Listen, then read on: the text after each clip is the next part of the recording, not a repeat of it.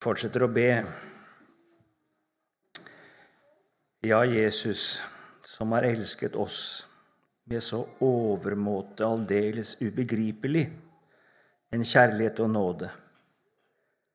Må du tenne våre hjerter opp igjen med kjærlighetens iver, så vi gir oss ganske til deg hen, og alltid hos deg bliver. Du kjenner tida vår, og du kjenner hjertene våre. Og Jesus, du ser vi er i en vond og mørk tid, og du sier det. Det skal komme en tid, sier du. Det skal være slik at hvis ikke de dager blir forkortet, så blir intet kjød frelst. Og du spør om du skal finne trua på jorda.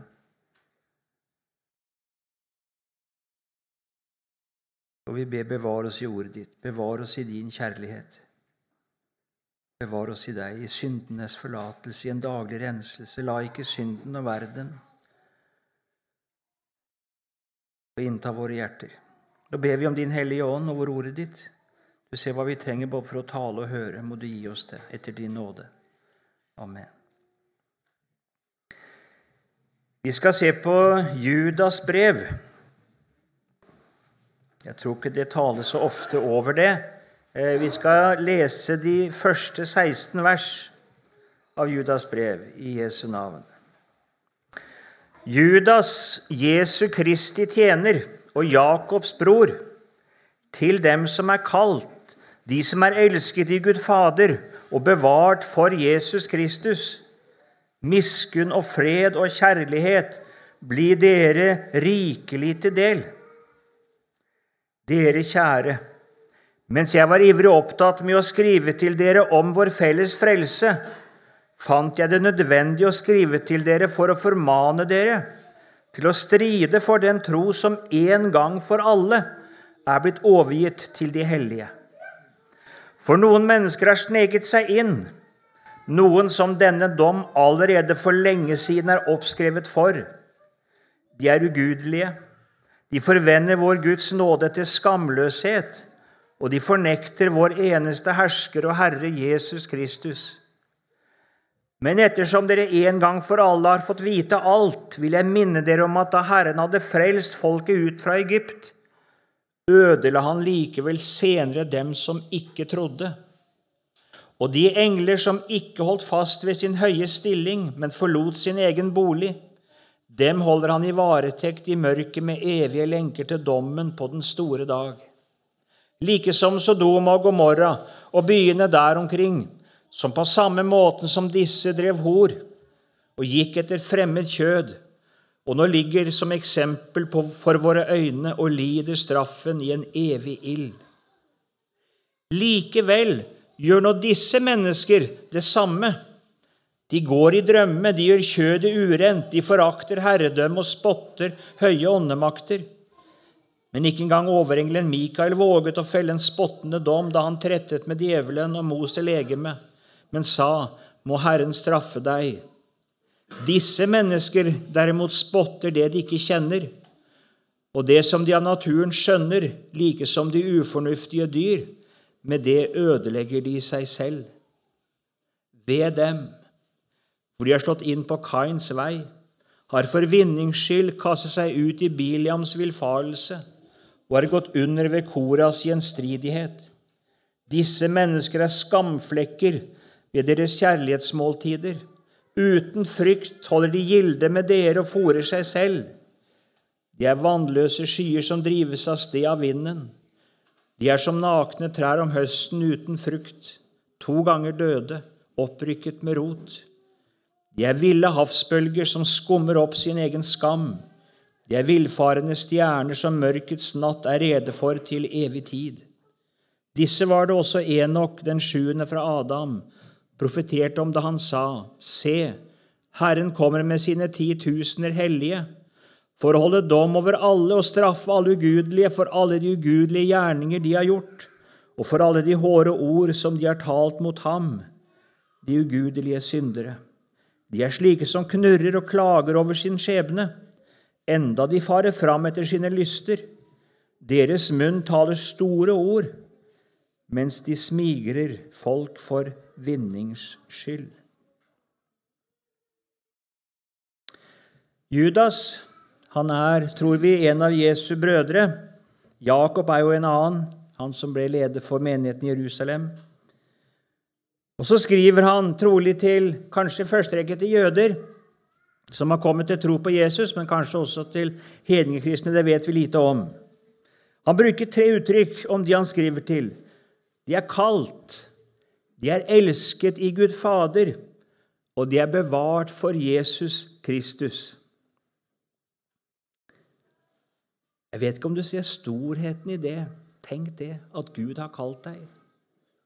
Han har kalt deg til sin frelse, til samfunn med seg. Han har elsket deg, så han har gitt sin sønn i døden for deg, for at du skal bli frelst, for at du ikke skal fortapes, men ha evig liv. Og så har han bevart deg, for det er ingen selvfølge at du når målet. Bevart deg i Jesus Kristus. Er det et under for deg at du får høre Jesus til? Er det et gledes, en gledessak for deg, noe du fryder deg over, og noe du er redd for å miste? Eller er det en selvfølge at det skulle liksom bare mangle? Vårt barnekår, vår kristenstand. Og hvis jeg når målet en dag Det er bare én jeg har å takke for det og det er Gud. Det er bare Hans nåde. Er nåde at jeg får lov til å være Hans, og det er nåde om jeg blir bevart hos Han. Vår egen makt, sier Luther, er intet verd. Vi var vel snart nedhogne. Nei, det er Han. Og så er det dette som ligger Judas på hjertet.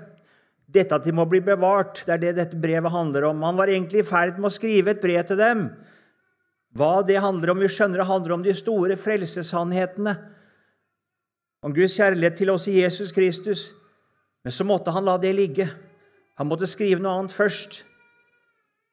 For nå så han det at det her var det noen som var i ferd med å bli ført vill.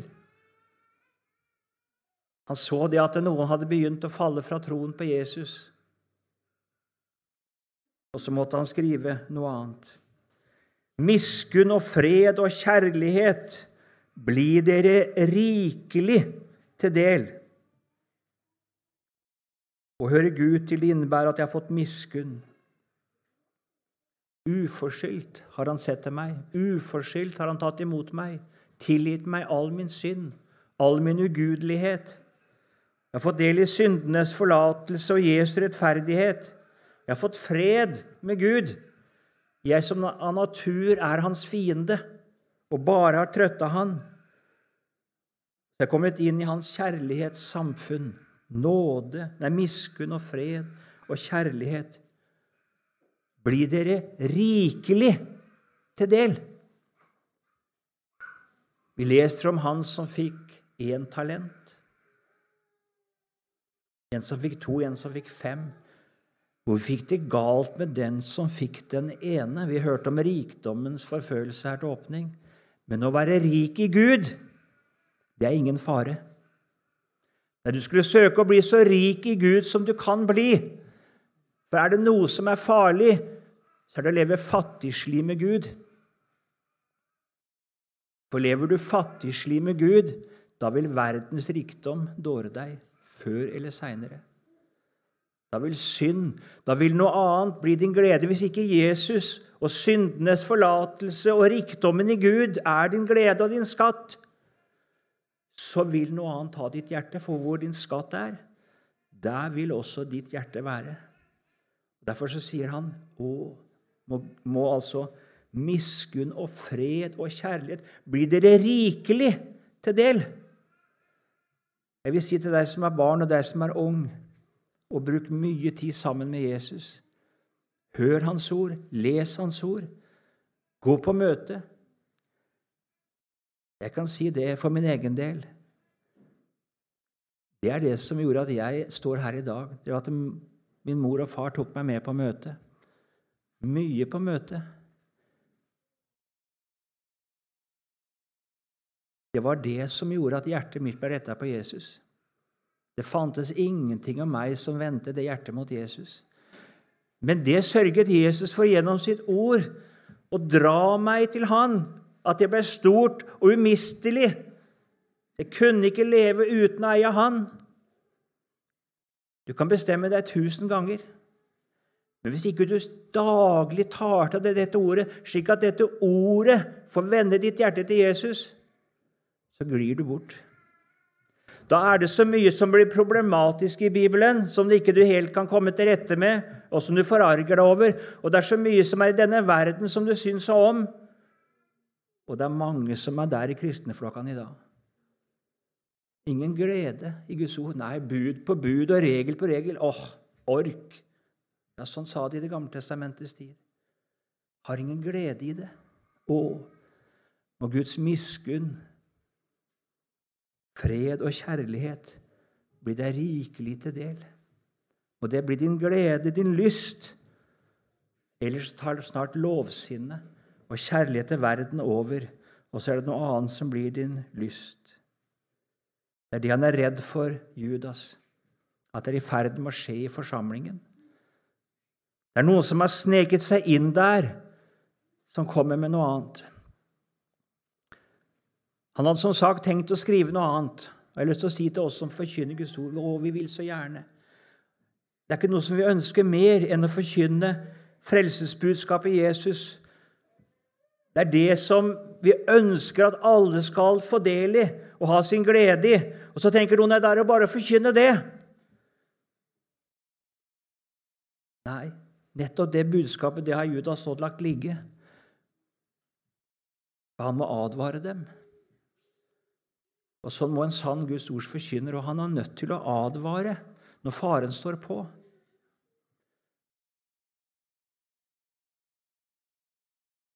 Forbannet, sier Guds ord, være den som gjør Herrens gjerning med lathet. Det går an å bli lat som predikant. Ja, Det går veldig lett an. Og så gir du folk det de vil ha, og du, det, du tar det budskapet ikke sant, om igjen og om igjen. Det samme, det er lett. Så fortsetter profeten Jeremia i 48,10.: Forbannet være den som holder sitt sverd fra blod.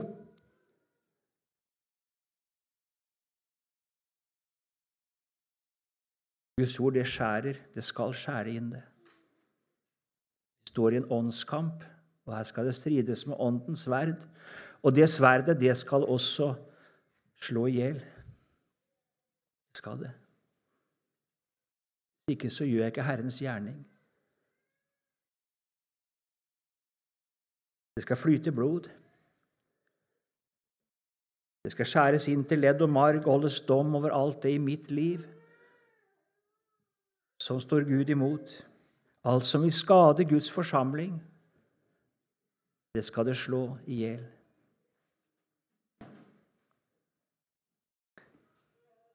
Han sier at han måtte formane dem til å stride for den tro som en gang for alle er blitt overgitt til de hellige. Merk deg det. En gang for alle. Guds ord forandres ikke. Om himmel og jord forgår, sier Jesus, så skal mine ord ikke forgå. Er det sånn det tales i dag? Nei. Nei, nå er det litt annerledes. skjønner du, så nå, det, som, det, gjelder ikke lenger, det som ble sagt da. For nå er det en så annerledes tid. Det sa de til, det sa de til Samuel òg. Alt er annerledes nå, så nå må vi ha en konge. Alt er annerledes. Nei, de har forkasta meg, sier Gud. Det er sannheten. Og det er sannheten i dag også. En gang for alle er overgitt jeg er overgitt det jeg selv er motsatt, til apostelen Paulus i 1. Korinter 15. Det er et budskap som er uforanderlig, og så gir han det videre. Det skal ikke legges noe til, det skal ikke trekke noe fra. Det er det samme budskapet som gis. Det leste du i slutten av åpenbaringsboken, men det står første gang i 5. Mosebok, dette uttrykket. Evangeliet er det samme fra tidenes morgen, det som ble forkynt på syndefallets dag. Det er å bli uforanderlig. Men så er det noen som har sneket seg inn, sier han. Legg merke til uttrykket 'sneket seg inn'. Altså, De hører ikke hjemme i den troende forsamling, men de er kommet inn der. De har ikke gått gjennom døren og gjennom porten, men de har klyvd over andre steder og sneket seg inn i Guds forsamling. De har fått navn av å være kristne, men de er ikke det. Det skulle være underlig om ikke det var noen her også som har sneket seg inn.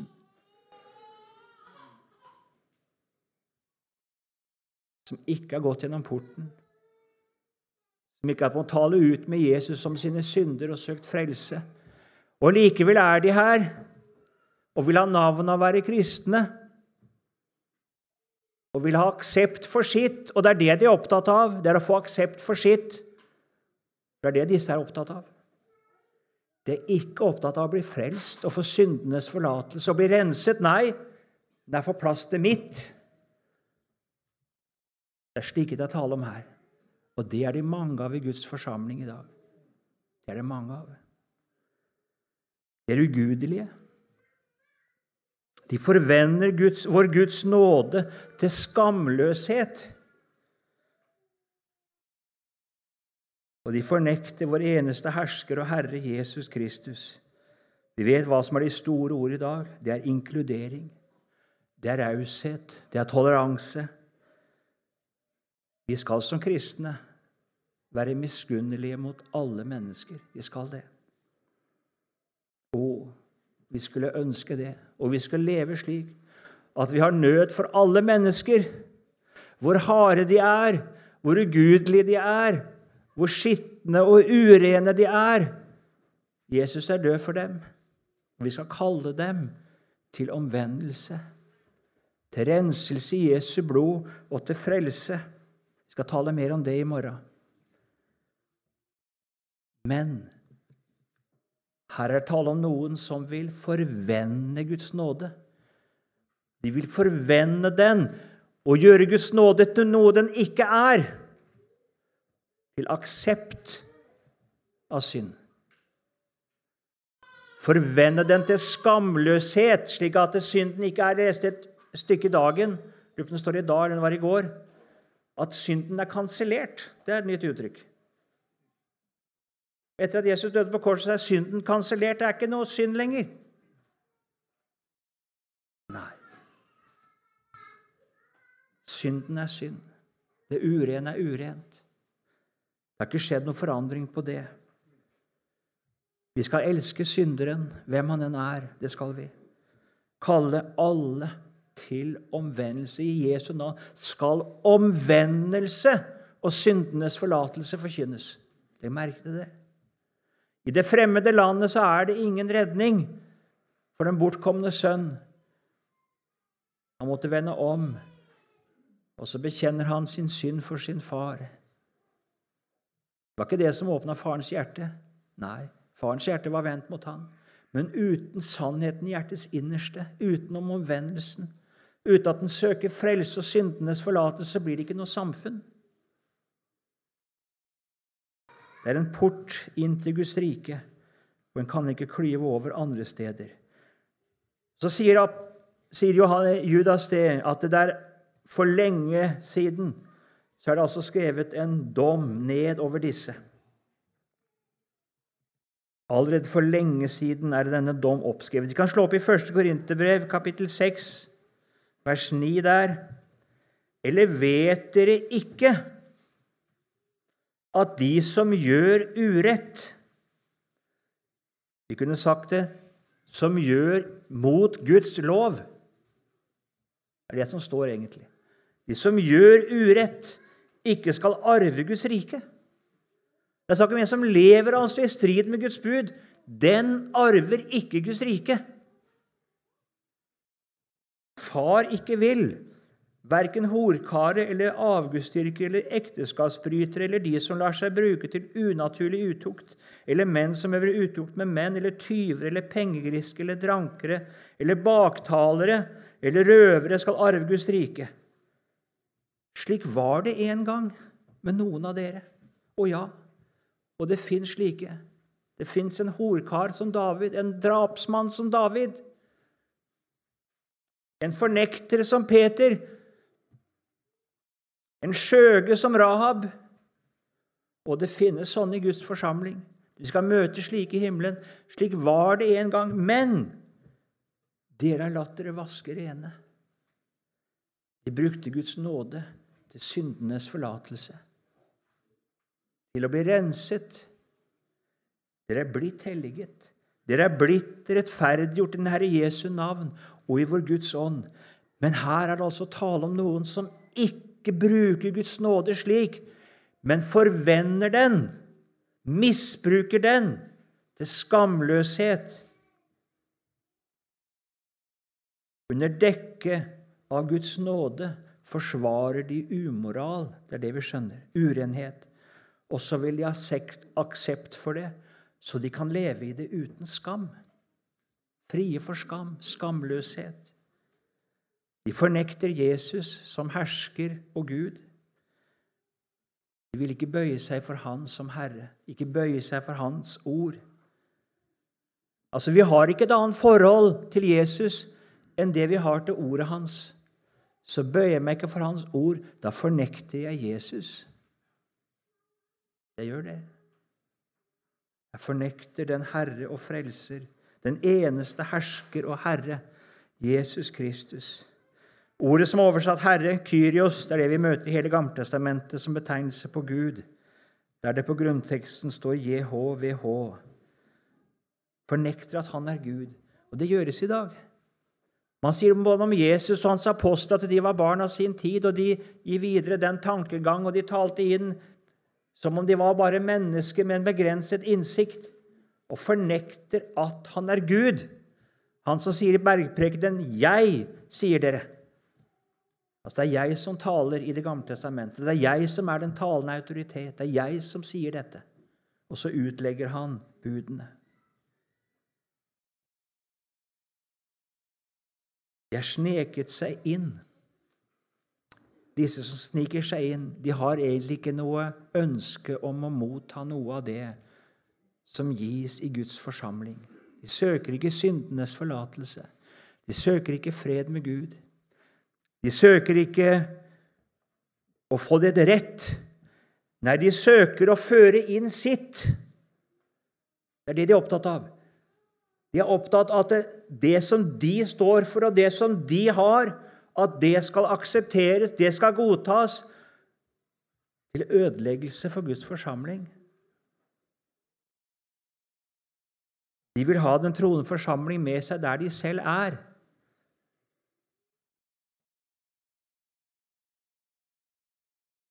Igjen så sier apostelen ettersom dere en gang for alle, vers 5, har fått vite alt. Igjen, Guds ord står fast. Det er gitt en gang for alle. Det er ikke slik at her kommer det en ny kunnskap og ny forståelse, så bare vi får kikka en gang til. Skal høre om Biliam snart. Han måtte inn og spørre Gud en gang til, og så kom han med et helt ny forståelse. ikke sant? Ja, det er mange som er der. De har sett etter en gang til, og så gir Gud dem akkurat det de vil ha. Han gjør det. Tenk det. Gud ga Biliam en helt ny forståelse. Den han ville ha. Fordi han ikke tok imot kjærlighet til sannheten, så sender Gud villfarelse. Tenk det. Dersom ikke du vil bøye deg for Guds ord, så får du det slik du vil ha det. Og du får tro for det. Du vet hva som er sant. Du vet hva Guds ord sier, men det kan du ikke godta. Og så prøver du å få det til, og så får du det til. Og Gud hjelper deg med, hjelper deg med det. Du får det til sånn som du ville ha det. Det var det Biliam gjorde. Kommer tilbake til det. Gud har ikke forandret seg. Hans vrede og dom over synden er den samme. Vantro og frafall er det samme i dag som det har vært. Hva mennesker enn tenker og lærer. Og så holder Judas nå fram eksempler fra historier fra Det gamle testamentet. Og hvorfor gjør han det?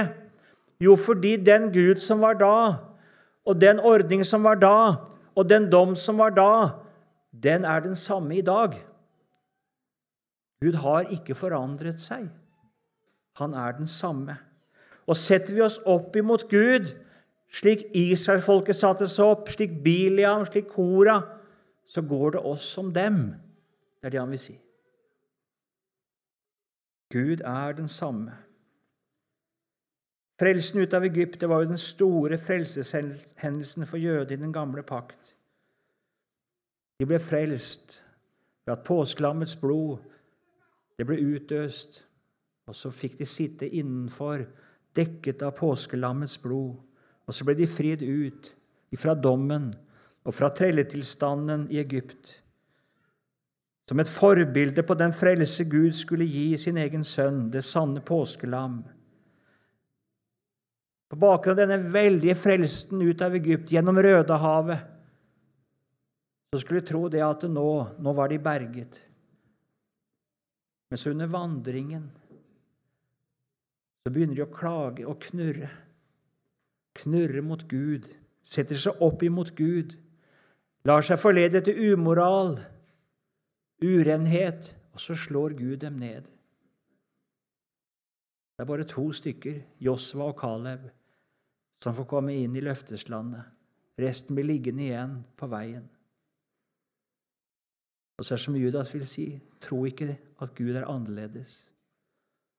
Tro ikke at en gang at du har begynt, at det er endt.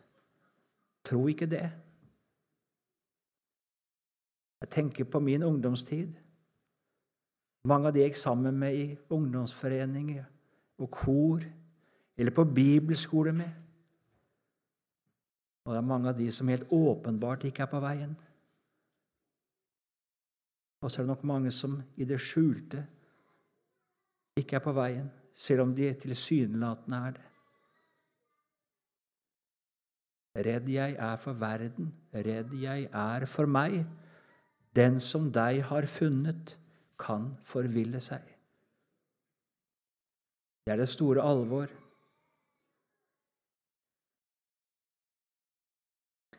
Kanskje tror vi det. Det er så annerledes nå. Og vår stand som kristne den er jo så mye høyere enn den standen som jødene hadde. Deres frelse var jo ganske jordisk ut av Egypt. Vår frelse er jo så himmelsk. Ja, Gud sparte ikke englene, disse himmelske vesener, da de satte seg opp imot Gud. Det er som Judas hvis ikke tenk det. Ikke tenk at det, det å være en kristen det er noe så spesielt at da gjelder det på en måte andre regler. Nei. De holdes i varetekt, disse falne engler. Den som har satt seg opp imot Gud som kristen.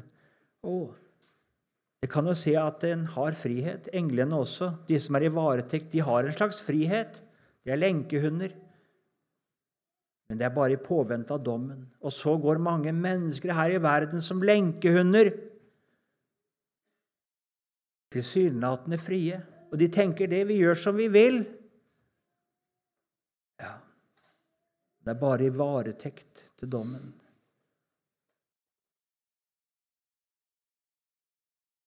Om de kjenner seg aldri så frie.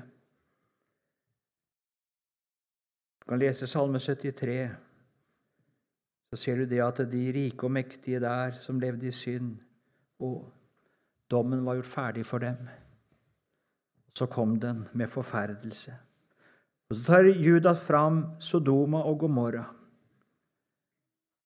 De hadde blitt aktuelt i disse menighetene. Fordi de synder som vi leser om der i Sodoma og Gomorra, det var den, noe av den skamløshet som hadde kommet inn i de troende forsamlinger. Når du ser Paulus taler om det, så skjønner vi det at eh, homofilien og den unaturlige utukten den var levende aktuell. Den var ganske integrert del i både det greske og det romerske samfunnsliv. Og det var meget aktuelt å advare mot det. Den første kristentid. Det snek seg inn også den gang i forsamlingene.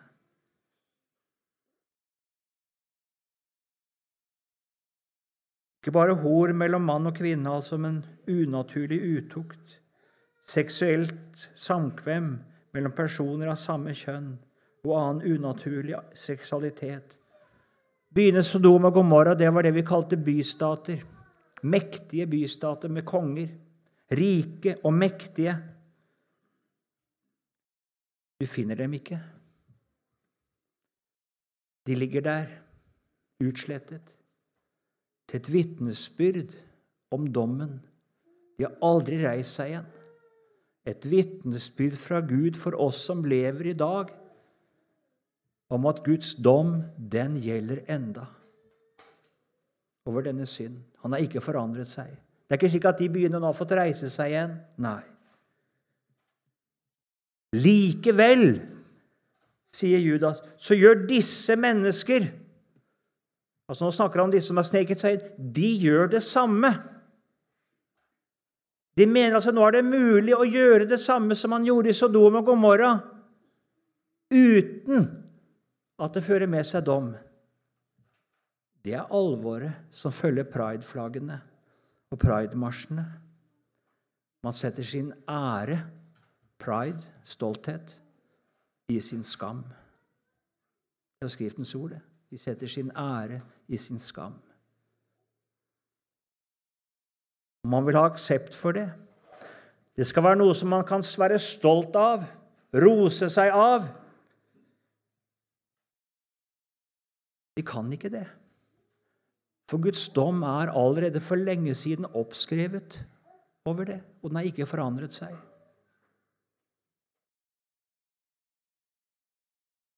Vår kjærlighet mot syndere skal kalle disse til omvendelse. Vi leste fra 1. Korinter 6, skal ikke gjenta det, altså. Men far ikke vil. Denne dommen, den gjelder. Den har ikke forandret seg. Og om de kunne bli frelst. De går i drømme, fortsetter apostelen her. Altså, De forholder seg ikke til virkeligheten. Verken den naturlige virkelighet som vi ser for øynene, forskjellen på mann og kvinne, på at vi er to kjønn. Det som vi ser av naturen, de forholder seg heller ikke til en usynlig virkelighet, til Gud og Hans ord. Men så lar man seg beruse av drømmer, en drømmetilværelse. Man skulle ønske det var slik eller slik, og så lever man etter det. Som et ufornuftig dyr. Hva er det som kjennetegner det ufornuftige dyr? Jeg har hatt bikkjer. Når du tenker på dette området her, på det seksualområdet, så er det bare drift. Og den er så rå og så totalt uten moral og anstendighet at det Ja. Bare drift. Og så gjør man kjødet, dvs. Si legemet, urent med horeliv. De forakter herredømme. Å, så aktuelt. Forakter altså tåler ikke og vil ikke bøye seg. Forakter at noen skal si til meg at 'dette er rett, dette er slik'. Forakter herredømmet. Om det er menneskelige, mennesker som har satt over en, eller Gud som har satt over en. Spotter høye åndemakter, vil ikke underordne seg. Nå refererer Judas her i vers 9 til noe som ikke står i eh, Skriften, men som noe som står i et jødisk eh, apokryft skrift som heter Mos i himmelfart. Og Et par andre steder her så refererer han til første Henoks, Enoks bok. Begge dette er jødiske skrifter fra de to siste århundrene før Kristus. Bare si litt om det. Ved siden av Gamletestamentet så fulgte det en muntlig jødisk tradisjon. Beretninger, ord sagt av eh, Enok, som vi leser her, ikke sant, av Moses og forskjellig, som levde side om side. Og denne muntlige tradisjonen, den Sånn som ble skrevet ned, så vi kan lese første Enoks bok, så er det ganske spekulative saker. Det ble knytta sammen med veldig mye spekulative tanker, og, og, her var man fri, for dette var ikke Skriften. Så her kunne man komme med sine tanker. Så her er det eh, jeg på å si eh, Hva sier vi? Eh, ja, det er, det er, mye rart i disse bøkene. Det tror vi kan si. Men det betyr ikke at det finnes ord her i disse apokryfe skriftene. som altså refererer til virkelige hendelser. Men selv om det, disse ting da refereres, så er ikke det en aksept av hele første Enoks bok eller denne apokryfe skriftet Mose eh, himmelfart. Paulus skriver på samme måte. Han siterer fra et, en gresk dikter, Paropagos, og, og, sier at det står jo sånn at vi er hans slekt. ikke sånn? Så går ikke han god for hele den tankegangen i den boka der. Eller disse diktverkene fra disse grekerne. Nei. Så Noen tenker jo det at fordi dette er sitert, så er det på en måte gitt en slags aksept av første gjennomsbok. Nei. Men disse ordene her det kan vi da regne at dette refererer til noe reelt. Og sammen med dette da med, med fra, fra første Enoks bok, bare så det er nevnt. Poenget er at disse falske kristne de regner ikke med noen åndelig virkelighet. Det er poenget. Ikke med engler, ikke med djevel. Og Derfor spotter de begge deler. De har liksom ingen dette åndelige, nei. De regner bare med det kjødelige, bare med driften, bare med det de kan kjenne og oppleve og føle. Det er det de, det er det de følger. Og det følger de akkurat som dyrene. For for dyrene er det ingen engel eller Gud eller noe åndelig. Der er det bare drift. Og så lever man etter det. Ja, akkurat sånn lever disse, og vi kjenner det i vår tid. Man fornekter at de er skapt av Gud, i Guds bilde som et åndsvesen som står ansvarlig for Gud. Og så følger jeg bare det som er min lyst. Som et dyr. Ja, Det er det man tenker å lære om mennesket, at vi er dyr, og ikke noe mer. Og så sier man pride. Stolthet. Ja, det er virkelig å sette sin ære i sin skam. For det som er menneskets storhet, er å være skapt til samfunn med Gud. At jeg er mer enn et dyr. Det er skapt i Guds bilde med et åndsliv, med mulighet for en moral, en ansvarlighet. Vi er ødelagt av syndefall. Allikevel så er og blir jeg et åndsvesen. Men det fornektes. Ved dem, ved dem. For de har slått inn på Kains vei. Kains liv det var jo et liv i opprør og frafall fra Gud. Han fornektet virkelig å være et åndsvesen. Han ville ikke stå til ansvar. Han slo sin bror i hjel. Han ville ikke stå til ansvar for det. Og Så flyktet han bort fra Gud og levde borte fra Gud. Det var hele hans liv. Flakket og vildret omkring uten gudsfrykt. Han var driftig. Meget driftig. Han bygde by, og i hans familie så er det målt som driftig for dette livet her. Men det er ingen himmel over Kains liv. Intet gudsforhold. Ingen sannhet, ingen rett. De har for vinnings skyld kastet seg ut i Biliams villfarelse, som sagt. Han visste hva Guds ord sa, men han ville så gjerne at Gud skulle sagt noe annet. Og Så sier han at 'jeg skal spørre en gang til'.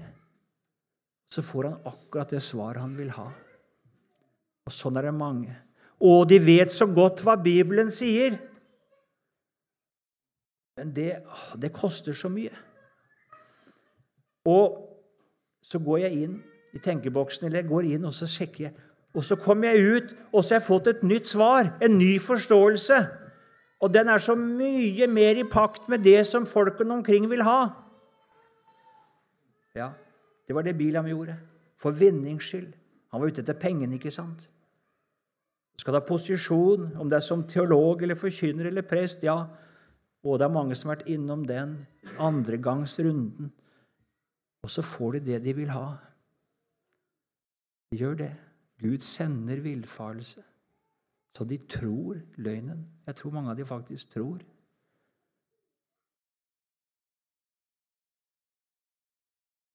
er gått under ved Koras gjenstridighet. Levitten Kora han syns det at hvorfor skulle Moses og Aron ha sånn myndighet? Var ikke de også levitter? Det var jo Moses og Aron også av Levi stamme. ikke sant? Hva gjorde Moses og Aron til sånne autoriteter? Var ikke de like hellige? Hadde ikke de også Ja, hvorfor skal Moses og Aron ha så mye å si? Kan ikke det jeg mener Det var Koras tanke. Er ikke det like rett? Har ikke jeg like stor autoritet? Legger jeg merke til det? Jeg vil ikke underordne meg. ingen menneskelig øvrighet, ingen guddommelig myndighet. Jeg, jeg vil selv bestemme.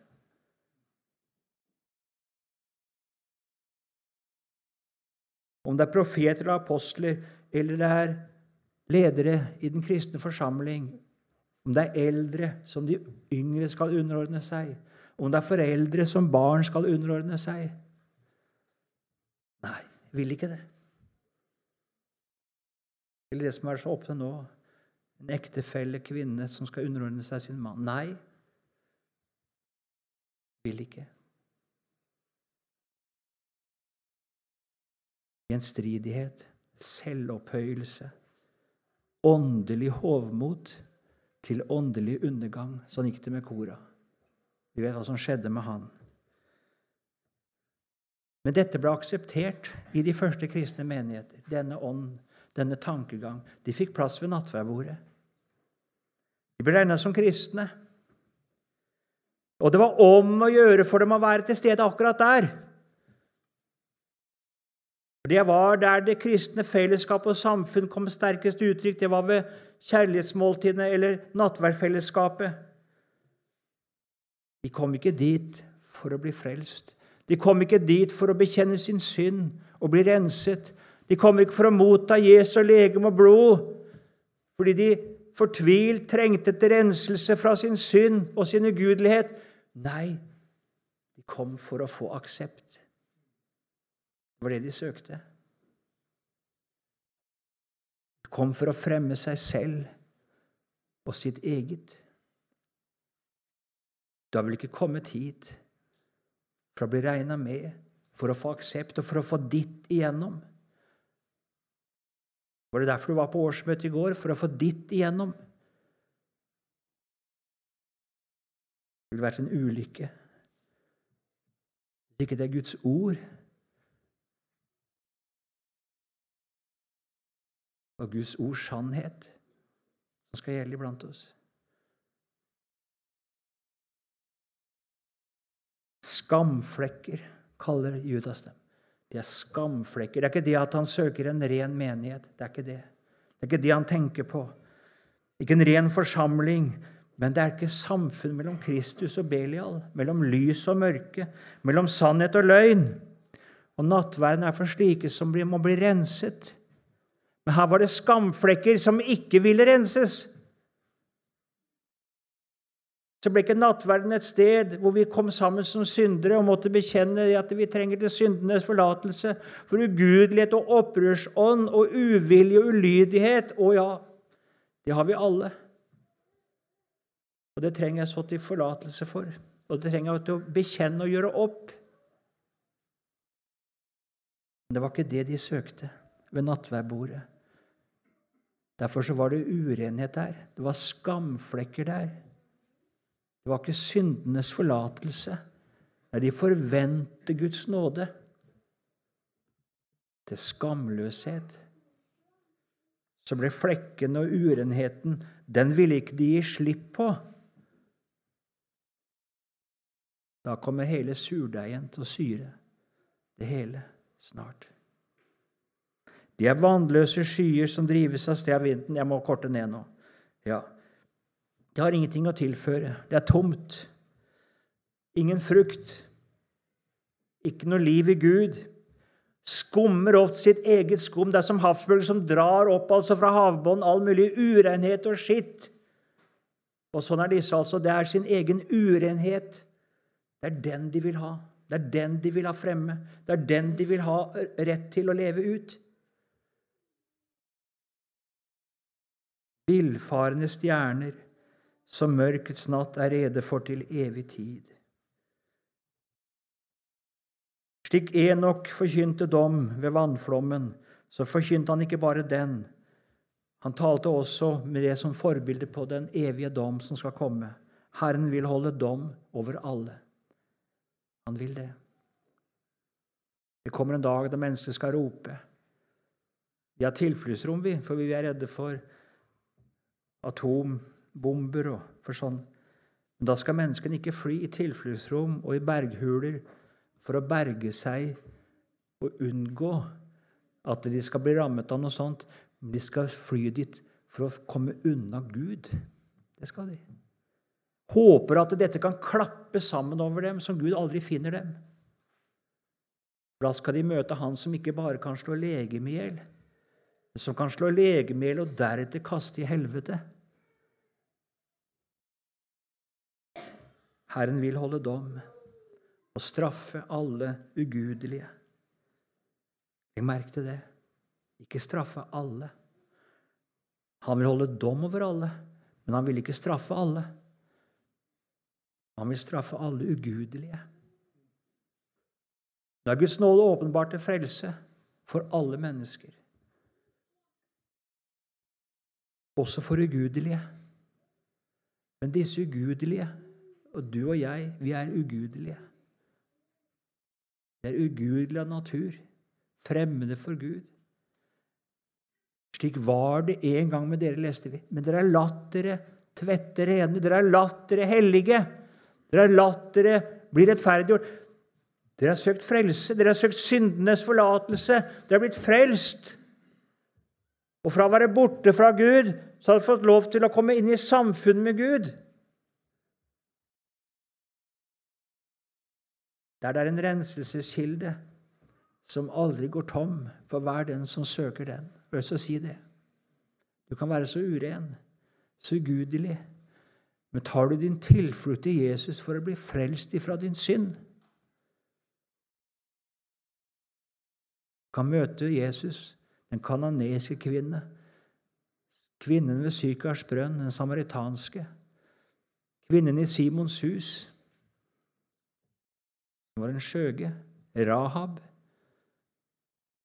og den som tar sin tilflukt til Jesus for å bli frelst, for å bli renset. Han møter en åpen favn. Den synden er sonet. Den er gjort opp. Det skal du aldri være i tvil om. Ikke én så ussel er at det er Jesus har ham kjær. Men vil du bli din synd? Vil du fastholde den? Vil du ha aksept for den? Da er det ikke noe offer tilbake for synd. Har du tråkka på det blodet som var til renselse over synden din? Har du foraktet det? Da er ikke Gud et offer nummer to.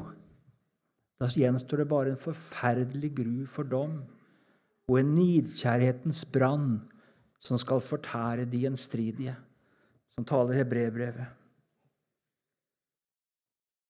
Skal dømmes for alle de ugudelige gjerninger vi har gjort, og for alle de hårde ord. Vi tenker ofte det er bare et ord, men ordene er noe av det viktigste av våre gjerninger.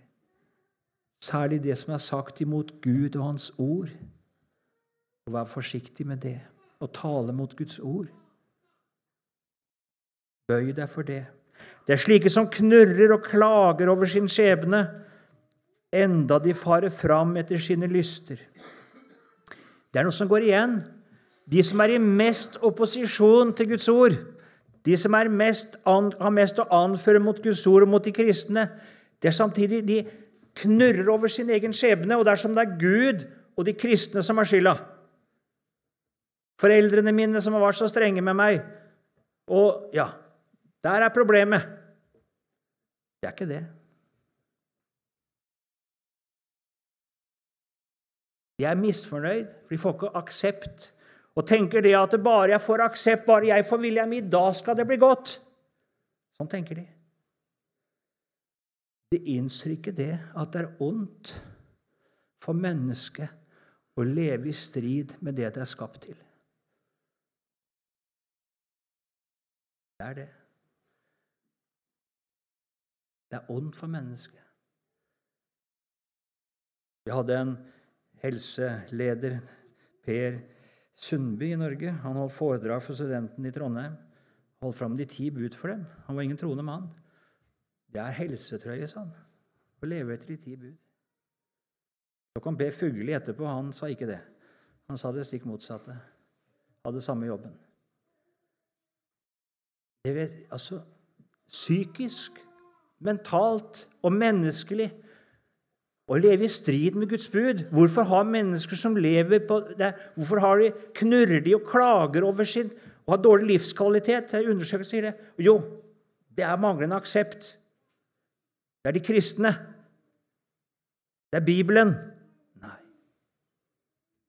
Det er ikke det. Det er ikke det. Synden, den fører med seg lidelse. Den gjør det ikke godt for mennesket. En kortvarig nytelse, det den, kan den gi. Tilfredsstillelse her og nå. Deres munn taler store ord, står det. Ja, for det mangler ikke på selvbevissthet, og det mangler ikke på sikkerhet og harde i sine dommer over alt og alle. Det vil du møte her. Og smiger, hvis det er noe som holder med dem. Da er pipen en annen lyd. Ydmykhet? Nei, det finner du ikke her. Selverkjennelse, selvinnsikt, selvanklage. Skal være litt personlig. Det jeg talte om nå, det jeg talte om nå. Ikke tro at det gjelder bare de andre. Da min mor død, og når jeg snakka med henne da jeg blitt voksen, så huska hun ingenting av det, nesten. Jeg huska det godt.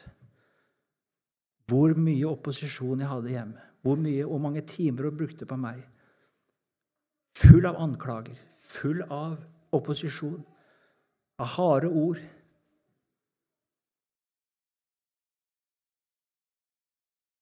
Så blei jeg 17-18 år. Skjønte jeg. Jeg har snudd alt totalt på hodet. Totalt på hodet. For en utakknemlig sønn. For en egoist. For en ulydighet. Selverkjennelsen. Det er det store problemet. Selvinnsikten. Å, den er så selvbevisst. Jeg var så selvbevisst, jeg var så selvsikker, og jeg hadde Nei. Jeg hadde manglende selvinnsikt. Men rask i dom over både den og den som ikke ville meg annet enn vel. Som elsket meg, og derfor hadde pekt på den rette veien. Kanskje ikke alltid gir forstand på alle måter. Nei, nei, nei. Ingen foreldre gjør det og likevel i kjærlighet og godhet. Men i min selvbevissthet så kunne jeg stale store ord, og akkurat der er så mange mennesker og kommer ikke lenger. Og alle som støtter meg, å, det er fine mennesker. De som gir meg medhold, det er bra. Nei. Og om du kunne komme til sannhetserkjennelse og se det er jeg. Det er meg som er problemet. Det er jeg som ikke vil bøye meg. Det er jeg som er ulydig. Det er jeg som er en egoist. Det er jeg som står Gud imot. Jeg står mine foreldre imot.